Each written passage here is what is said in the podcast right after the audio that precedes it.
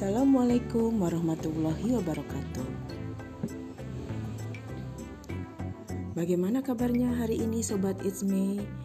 Episode kali ini masih seputar lebaran. Oh ya, sebelumnya saya ingin mengucapkan Selamat Hari Raya Idul Fitri 1442 Hijriah. Semoga Allah Subhanahu wa taala menerima puasa kita dan dipertemukan lagi di Ramadan yang akan datang. Sobat It's Me, sekarang saya mau bahas tentang filosofi ketupat. Di hari raya, biasanya ketupat itu jadi menu pengganti nasi yang menjadi salah satu menu di saat lebaran. Ya, Sobat Isme pasti pada doyan dong makan ketupat Nah, ketupat ini terbungkus dari daun janur yang teranyam yang berisi beras. Ketupat adalah menu pengganti nasi yang terbungkus dengan janur. Apa saja sih histori dan maknanya? Simak ya Sobat It's Me. Sobat Isme, tahu nggak?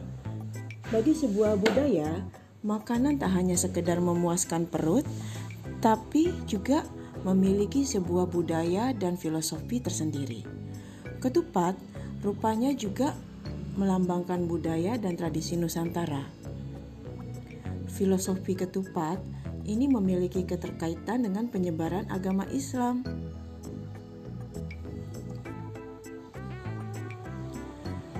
Konon, di tahun 1600-an. Wah, sudah lama sekali ya Sobat Ismay, tahun 1600-an. Waktu itu masih di zaman Hindu Belanda. Nah, di zaman Hindu, Hindu Belanda di Jawa, sekitar mungkin lima abad yang lalu ya Sobat Ismay, pada saat itu Islam mulai menyebar di Jawa. Sosok yang memperkenalkan ketupat ini dari berbagai sumber yang saya catat itu adalah Raden Mas Said atau dikenal juga dengan Sunan Kalijogo. Sobat Ismes tentunya sudah kenal dong dan sudah tahu siapa sih Sunan Kalijogo itu. Nah, Sunan Kalijogo ini adalah salah satu wali yang sangat berjasa dalam menyebarkan agama Islam atau mungkin kita lebih mengenalnya dengan Wali Songo. Jadi sembilan wali. Sunan Kalijogo ini memperkenalkan ketupat sebagai makanan khas lebaran. Konon dari berbagai sumber, sebelum Sunan Kalijogo memperkenalkan ketupat sebagai tradisi makanan lebaran, ketupat adalah bagian dari tradisi masyarakat Jawa untuk mengagungkan Dewi Sri sebagai de Dewi kesuburan ya. Mungkin juga teman uh, sobat Isme sudah tahu siapa itu Dewi Sri yang uh, diagungkan sebagai uh, Dewi kesuburan. Sunan Kalijogo memperkenalkan ketupat sebagai tradisi lebaran itu adalah tidak lepas sebagai syiarnya dalam menyebarkan agama Islam. Ketupat atau kupat dalam bahasa Jawa merupakan kependekan dari ngaku lepat dan laku papat. Dan ketupat ini menjadi simbol perayaan Hari Raya Idul Fitri pada masa Kerajaan Demak yang dipimpin oleh Raden Patah. Sobat Isme, ngaku lepat dan laku papat ini juga memiliki makna tersendiri loh. Nah, apa sih maknanya? Kita simak ya. Ketupat atau kupat dalam bahasa Jawa merupakan yang pertama ngaku lepat. Ngaku lepat ini adalah artinya mengakui kesalahan. Ya, sobat Ismi, sebagai manusia biasa pasti tidak lepas ya dari segala kesalahan Ngaku lepat ini diimplementasikan dalam masyarakat Jawa dalam bentuk sungkeman di, orang tua, di hadapan orang tua. Nah, prosesi sukempan ini yakni bersimpu di hadapan orang tua seraya mohon ampun. Tradisi ini biasa dilakukan pada saat hari raya Idul Fitri. Ngaku lepat ini juga berbentuk saling mengakui dan memaafkan kesalahan satu sama lain.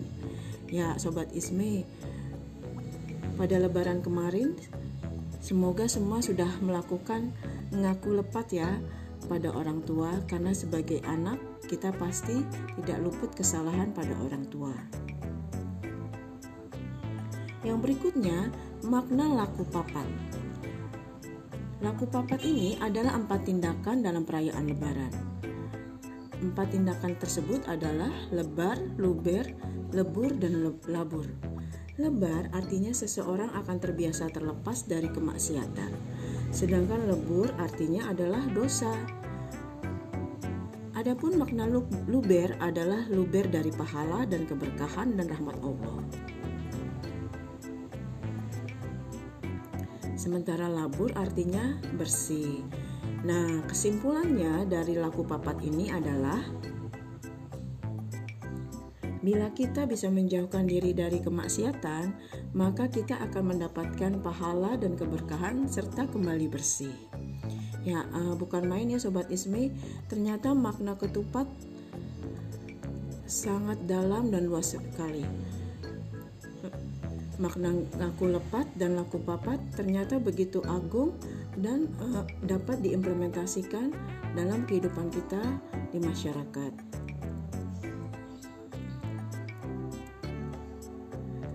Nah, sobat Isme, ketupat yang terbungkus oleh janur ini juga memiliki makna tersendiri. Nah, janur ini adalah daun kelapa muda yang menjadi pembungkus dari ketupat. Filosofi janur ini menurut budaya Jawa adalah kepanjangan dari sejati ninur. Artinya manusia berada dalam kondisi suci setelah berpuasa Ramadan. Dalam budaya Jawa, janur juga dipercaya sebagai tolak bala, ya. Bentuk segi empat dari ketupat juga melambangkan keempat nafsu di dunia, yaitu amarah, lapar, ingin memiliki sesuatu yang indah, dan rasa ingin memak rasa ingin memaksakan diri. Bagi sobat Isme yang melaksanakan ibadah puasa pada bulan Ramadan kemarin, bentuk anyaman segi empat ini harus kita lakukan filosofinya. Pertama, orang yang berpuasa harus bisa menahan amarah, bukan sekedar hanya menahan lapar, juga kita harus bisa menahan segala sesuatu yang sifatnya mungkin indah dan juga tidak memaksakan diri dan sebagainya. Ya, jadi ketika kita berpuasa, anyaman ketupat ini memaknai adalah kita bukan hanya sekedar menahan rasa haus dan lapar, tapi juga harus bisa menahan berbagai hawa nafsu yang terdapat pada diri manusia, ya tadi seperti amarah, memaksakan diri, dan sebagainya. Selain itu, bentuk segi empat dari ketupat ini mempunyai makna kiblat papat, lima pancar yang berarti empat arah mata angin, dan satu pusat, yaitu arah hidup manusia, di mana pusatnya adalah Allah Subhanahu wa Ta'ala.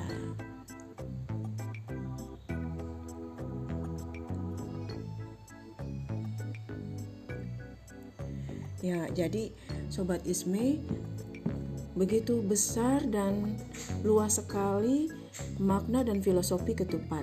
Nah, di sini uh, saya ingin menyimpulkan tentang filosofi ketupat. Ya, pertama, filosofi ketupat ini adalah mencerminkan beragam kesalahan manusia yang sering dilakukan dan di bulan Ramadan, di bulan puasa, kita harus bisa mengendalikannya. Nah, yang kedua adalah kesucian hati. Setelah ketupat dibuka akan terlihat nasi putih. Nah, apabila kita melakukan ibadah puasa dengan segala kesungguhan hati, maka kita akan mencerminkan kebersihan, kesucian hati, serta kita akan mendapat ampunan dari Allah Subhanahu wa taala. Yang ketiga adalah mencerminkan kesempurnaan bentuk ketupat yang sempurna yang dihubungkan dengan kemenangan hari raya Idul Fitri. Karena itu, ketupat biasanya dihidangkan dengan lauk yang bersantan. Maka dalam pantun Jawa pun yang bilang kupas santan, Kulo lepat nyuwun ngapunten. Saya salah, mohon maaf lahir batin. Ya, sobat Isme, uh, demikian episode kali ini tentang makna dan filosofi ketupat. Semoga bermanfaat. Ambil positifnya, buang buruknya. Semoga Tuhan memampukan kita untuk terus melakukan kebajikan dan kebaikan. Wassalamualaikum warahmatullahi wabarakatuh. Sampai jumpa di episode berikutnya.